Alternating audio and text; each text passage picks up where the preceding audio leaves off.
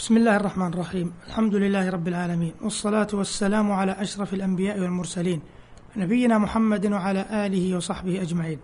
أيها المستمعون الكرام سلام الله عليكم ورحمته وبركاته. أما بعد فإن الحديث في هذه الحلقة سيكون حول بدء الوحي. فإن النبي صلى الله عليه وسلم لما بلغ أشده وقرب من الأربعين واكتملت قواه العقلية والبدنية كان أول ما بدأ به من الوحي الرؤيا الصالحة فكان لا يرى رؤيا إلا جاءت مثل فلق الصبح واضحة كما رآها في منامه. ثم بعد ذلك حبب إليه الخلاء فكان يخلو بنفسه في غار حراء في مكة فيتعبد الله الليالي ذوات العدد ثم يرجع إلى خديجة فيتزود بالطعام والشراب حتى جاءه الحق وهو على هذا الشأن بنزول القرآن عليه في شهر رمضان. وذلك بأن تمثل له الملك جبريل ولقنه عن ربه أول ما نزل من القرآن فقال اقرأ فقال ما أنا بقارئ. فقال له اقرأ فقال ما أنا بقارئ. فقال اقرأ فقال ما أنا بقارئ. وكان جبريل بعد كل جواب من الأجوبة الثلاثة يضمه على صدره ويعصره حتى يبلغ منه الجهد. ولما تركه جبريل في المرة الثالثة ألقى عليه أول آيات أنزلت من القرآن وهي اقرأ باسم ربك الذي خلق خلق الإنسان من علق اقرأ وربك الأكرم الذي علم بالقلم علم الإنسان ما لم يعلم. بهذه الآيات العظيمة التي تأمر بالعلم وتبين بداية خلق الإنسان بدأ نزول الوحي على النبي صلى الله عليه وسلم فرجع إلى زوجته خديجة يرجف فؤاده. ولكنه حفظ رشاده فقال زملوني زملوني يعني لففوني بالثياب. حتى إذا ذهب عنه الروع أخبر خديجة الخبر وقال لقد خشيت على نفسي. فقالت خديجة رضي الله عنها كلا والله لا يخزيك الله أبدا إنك لتصل الرحم وتحمل الكل وتكسب المعدوم وتقري الضيف وتعين على نوائب الحق. وهكذا استدلت هذه المرأة العاقلة على أن من كان هذا شأنه في محبة الخير للناس فلن يخذله الله فسنة الله تقتضي بأن الجزاء من جنس العمل. ثم انطلقت بعد ذلك خديجة بالنبي صلى الله عليه وسلم حتى أتت ابن عمها ورقة بن نوفل وكان قد تنصر في الجاهلية ويكتب الإنجيل بالعبرانية وكان شيخا كبيرا قد عمي. فقالت له خديجة اسمع من محمد ما يقول. فقال ورقة يا ابن أخي ماذا ترى؟ فأخبره صلى الله عليه وسلم خبر ما رأى فقال له ورقة هذا الناموس الذي أنزل على موسى والناموس هو صاحب سر الملك. قال بعضهم هو صاحب سر الخير والجاسوس صاحب سر الشر. قال ورقة هذا الناموس الذي أنزل على موسى يا ليتني فيها جذعا أي شابا ليتني أكون حيا إذ يخرجك قومك. فقال له الرسول صلى الله عليه وسلم أو مخرجيهم؟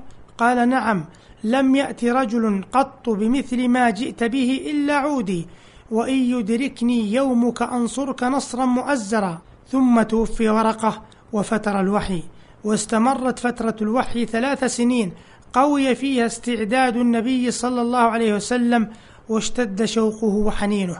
قال عليه الصلاة والسلام بينما أنا أمشي سمعت صوتا من السماء فرفعت بصري قبل السماء فإذا الملك الذي جاءني بحراء قاعد على كرسي بين السماء والأرض فجئثت منه حتى هويت إلى الأرض فجئت أهلي فقلت زملوني زملوني. والحديث رواه البخاري. وذكر أنه رعب منه ولكن ذلك دون الرعبة الأولى. فرجع إلى أهله فتزمل وتدثر أي تغطى بالثياب.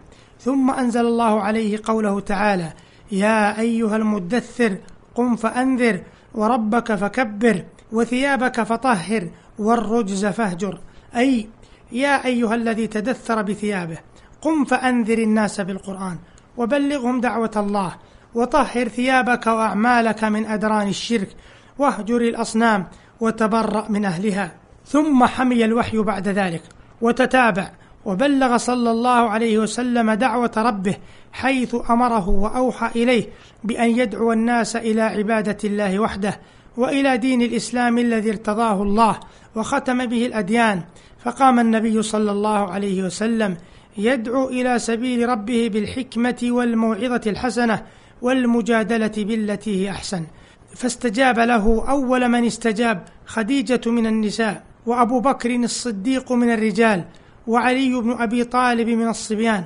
ثم توالى دخول الناس في دين الله فاشتد عليه أذى المشركين وأخرجوه من مكة وآذوا أصحابه أشد الأذى فهاجر إلى المدينة وتتابع عليه نزول الوحي.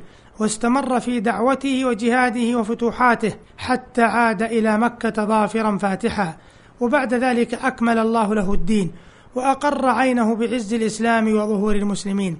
ثم توفاه الله وعمره ثلاث وستون سنة أربعون منها قبل النبوة وثلاث وعشرون نبيا رسولا. وبه ختم الله الرسالات السماوية وأوجب طاعته على الجن والإنس فمن أطاعه سعد في الدنيا ودخل الجنة في الآخرة ومن عصاه شقي في الدنيا ودخل النار في الآخرة. وبعدما توفاه الله عز وجل تابع أصحابه مسيرته وبلغوا دعوته وفتحوا البلدان بالإسلام ونشروا الدين الحق حتى بلغ ما بلغ الليل والنهار. ودينه صلى الله عليه وسلم باق إلى يوم القيامة. فما القول؟ في أمي نشأ بين أميين قام بذلك الإصلاح الذي تغير به وجه تاريخ البشر أجمعين في الشرائع والسياسات وسائر أمور الدنيا والدين وامتد مع لغته في قرن واحد من الحجاز إلى آخر حدود أوروبا وإفريقيا من الغرب وإلى حدود الصين من جهة الشرق حتى خضعت له الأمم ودانت له الدول وأقبلت إليه الأرواح قبل الأشباح وكانت تتبعه في كل فتوحه الحضارة والمدنية. والعدل والرحمة والعلوم العقلية والكونية على أيدي تلك الأمة الحديثة العهد بالأمية التي زكاها القرآن وعلمها أن إصلاح الإنسان يتبعه إصلاح الأكوان فهل يمكن أن يكون هذا إلا بوحي من لدن حكيم عليم وتأييد سماوي من الإله العزيز القدير الرحيم؟ أيها المستمعون الكرام إلى هنا ينتهي وقت هذه الحلقة. والسلام عليكم ورحمة الله وبركاته.